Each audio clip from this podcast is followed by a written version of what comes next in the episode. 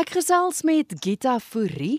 Sy is vervaardiger en aktrise en ons gesels oor 'n produksie wat te sien gaan wees by die Klein Karoo Nasionale Kunstefees en daarna gaan hulle Suidoosterfees toe. Jy het nou onlangs klaar studeer, is ek reg? Ja, ja, ek het laas jaar het as ek um, my studies klaar gemaak uh, met drama by die Universiteit van Stellenbosch. So ek is nou amptelik werkloos.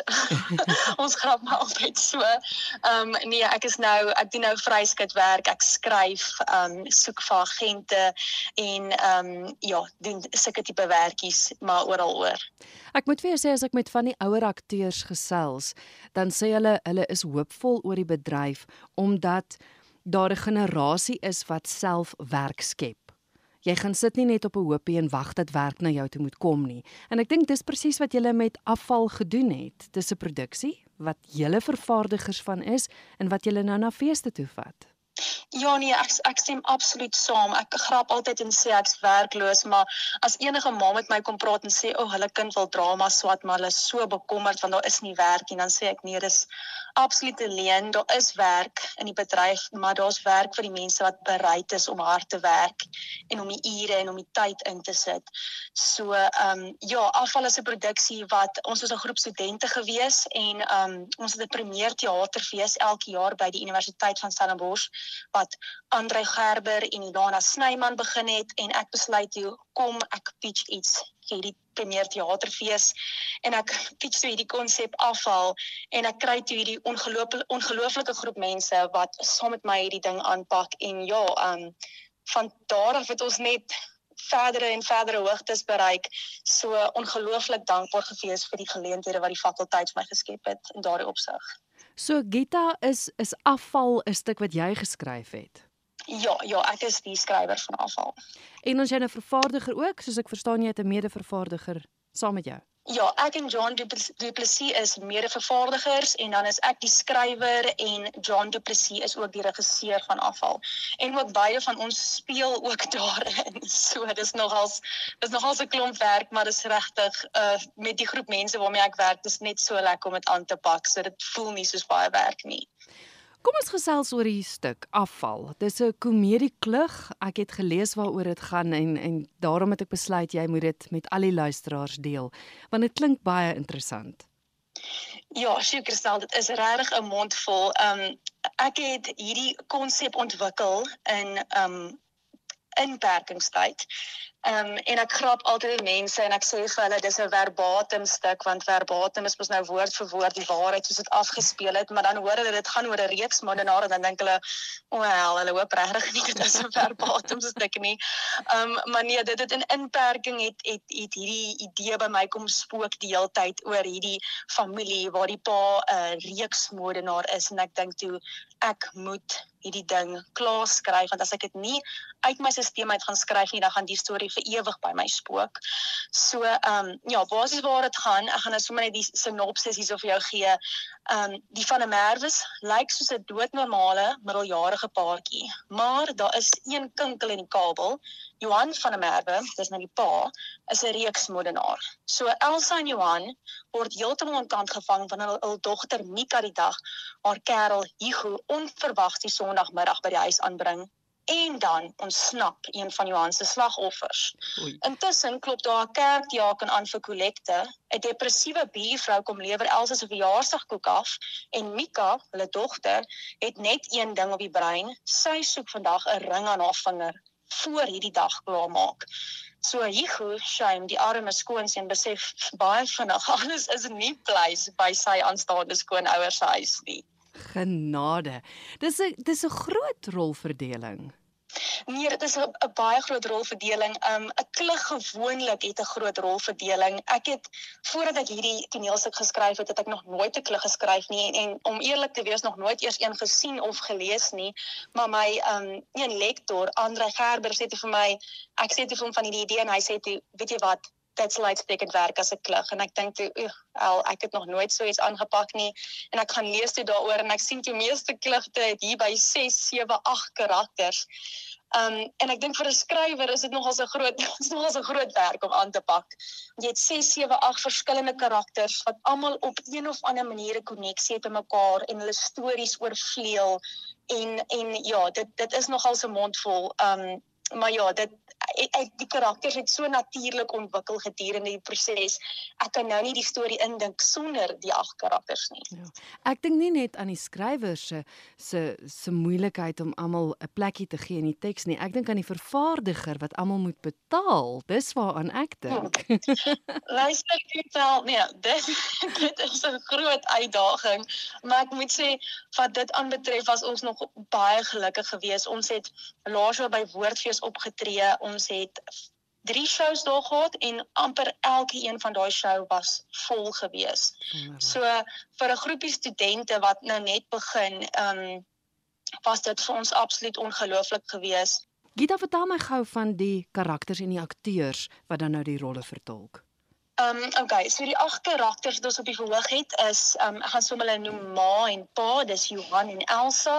Hulle dogter Mika wat die dag kom kuier met haar kerel of wel hopelik verloofde aan die einde van die dag Hugo. En dan die ander karakters wat bykom is ouma. Ek speel ouma, dis 'n seniele ou tannie wat daar rondloop, die hele plei deur en haar kat soek want sy glo hoog en laag dat haar kat weg is nadat die pa haar kat vermoor het, maar almal sê dit ouma, jy is seniel, jy weet nie waarvan jy praat nie. Die ander karakters is die buurvrou wat ons wat ons daar die buurvrou gedoop sy is nuut in die dorp en sy kom by Elsa aan eintlik om geld te leen um, maar sy bring ook 'n verjaarsdagkoek. Want dis dag Elsa se verjaarsdag so dan sê sy vir Elsa luister ek sien sommer jou verjaarsdagkoek dit sal R500 wees. So sy probeer net vir Elsa indoen om elke hoekie en draai en dan die ander twee karakters is die kerkjaken wat daar aankom en aanklop vir kollekte en die slagoffer soos ons hom gedoop het. Ehm um, wat 'n arme akteur is wat die pa die vorige dag gevang/ontvoer het en nou in die huis aanhou en toe natuurlik ontsnap het. Ehm um, so die karakters word gespeel deur Mia van der Merwe speel die ma Die ma is hierdie hoogs angstige karakter wat net seker wil maak alles loop reg en dat haar verjaarsdag perfek sal wees en dat haar dogter tog net nooit sal uitvind van haar pa se doen en late nie. Dan Graham Watson speel die pa, die pa is natuurlik die reeksmoordenaar wat ook 'n baie donker verlede het en natuurlik baie issues met sy eie pa gehad het wat natuurlik oorsprong gegee het tot sy reeksmoordenaar geneigthede dan ek Gita Fourie soos ek gesê het speel die seniele ouma wat op soek is na 'n kat. Um Minka Maree, sy speel Mika, die dogter ag wat eintlik maar 'n ou clueless figuurtjie is, al 21 jaar lank in haar pa se huis en nou nog nie weet wat hy aanvang met sy met sy tyd nie en al wat sy wil doen is trou. Dis al ding wat op in haar kop is op hierdie stadium is sy wil trou met Hugo natuurlik wat deur John Du Plessis gespeel word, ook die regisseur. En arme Hugo, um om nou heeltemal frank te wees, stel nie eintlik eers belang in meisies nie. Ai. Hy is daarso onder die valse voorwendsel dat hy tog verlief is op haar, maar hy het nog 'n paar dinge van homself wat hy moet uitsort. So hy word in hierdie hele chaos ingesleep. Nicola Vivier speel ons buurvrou, um, die vrou vir die koek kom aflewer, 'n depressiewe figuurtjie wat nou net 'n um geboorte gegee het aan haar eerste kind. Sy het baie huweliksprobleme en sy dink ook haar kind is skreeu lelik. Sy sê sy staan elke dag met 'n sonbril op net sodat sy nie die kind so in HD hoef te sien nie. Dit is net vir haar 'n verskriklike ding. So sy probeer enige iets en alles om by haar huis uit te kom en dit is hoe hoe sy in Elsa se huis beland vir die um verloop van hulle eet hierdie dag want sy weier net om te loop. Ek seker ons almal ken daai tannie wat daar aankom oor 'n Sondagmiddaguur en dan op die ou net moet jy hulle maar nooi vir ete want hulle wil nie opstaan nie. nou dit is die buurvrou Alita. Um en dan ons kerkdiaken, uh, maar 'n skeilie figuur word deur Damien de Villiers gespeel. Hy kom die dag daaraan ook onder valse voorwendsels. Hy gaan nou kollekte kom insamel. Maar eintlik die storie is is dat hy het vir sy vrou gesê hy is 'n kerkdiaken, maar eintlik is hy tussen jobs op hierdie stadium van die geveg. So hy gaan na mense se huise toe, um kamstig om kollekte in te samel en dan druk hy so 'n paar ander goedjies ook in sy sak en natuurlik vat hy die kollekte geld ook vir homself huis toe. En dan ons laaste ehm um, laaste karakter is dan ons ehm um, Trompie Boysen wat dan die slagoffer speel. Ehm um, en die slagoffer is 'n akteur wat ons die vorige aand in die Trostdui teater opgetree het. Um, in een of ander nuwerwetse Shakespeare play en daar het hy aan die drink geraak. Natuurlik het die pa hom toe daar langs die pad gekry, heeltemal besope, very vulnerable en die pa besluit hy line nou vir hierdie ou in. Hy is nou sy volgende slagoffer. En dis dan jy's hy wat ontsnap en dan links en regs deur die huis hardloop op soek na 'n plek om uit te kom um gedurende hierdie familieete. So soos jy kan hoor Christel, dit is ag karakters en ag verskillende stories wat net heeltyd oorvleuel. Karakters wat in en uit hardloop by deure um mekaar net net mis of mekaar net net vang. Situasies wat verkeerd opgesom word of verkeerd gelees word. So dit is net 'n absolute chaotiese lekker lekker lagspel op die voorg. Ek is nou skieurig hoekom die titel afval Weet jy, ek is nou so bly jy het vir my gevra. Ek wag al so lank vir daai vraag. Niemand vra dit vir my nie.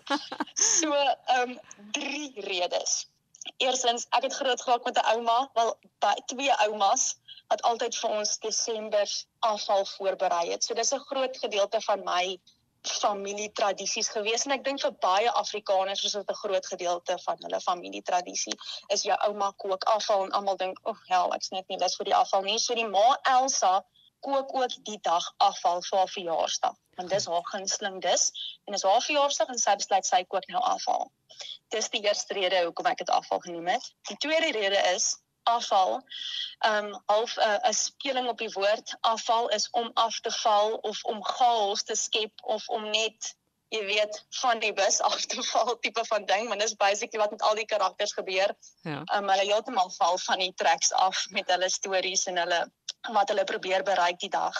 En dan die derde rede is, um en dis net so half 'n suggestie. Mense kan self besluit wat hulle dink daarvan. So die Paulse reeks modenaar. So wat dink ons is in die afval op die ou end van die dag? Oh. Ja.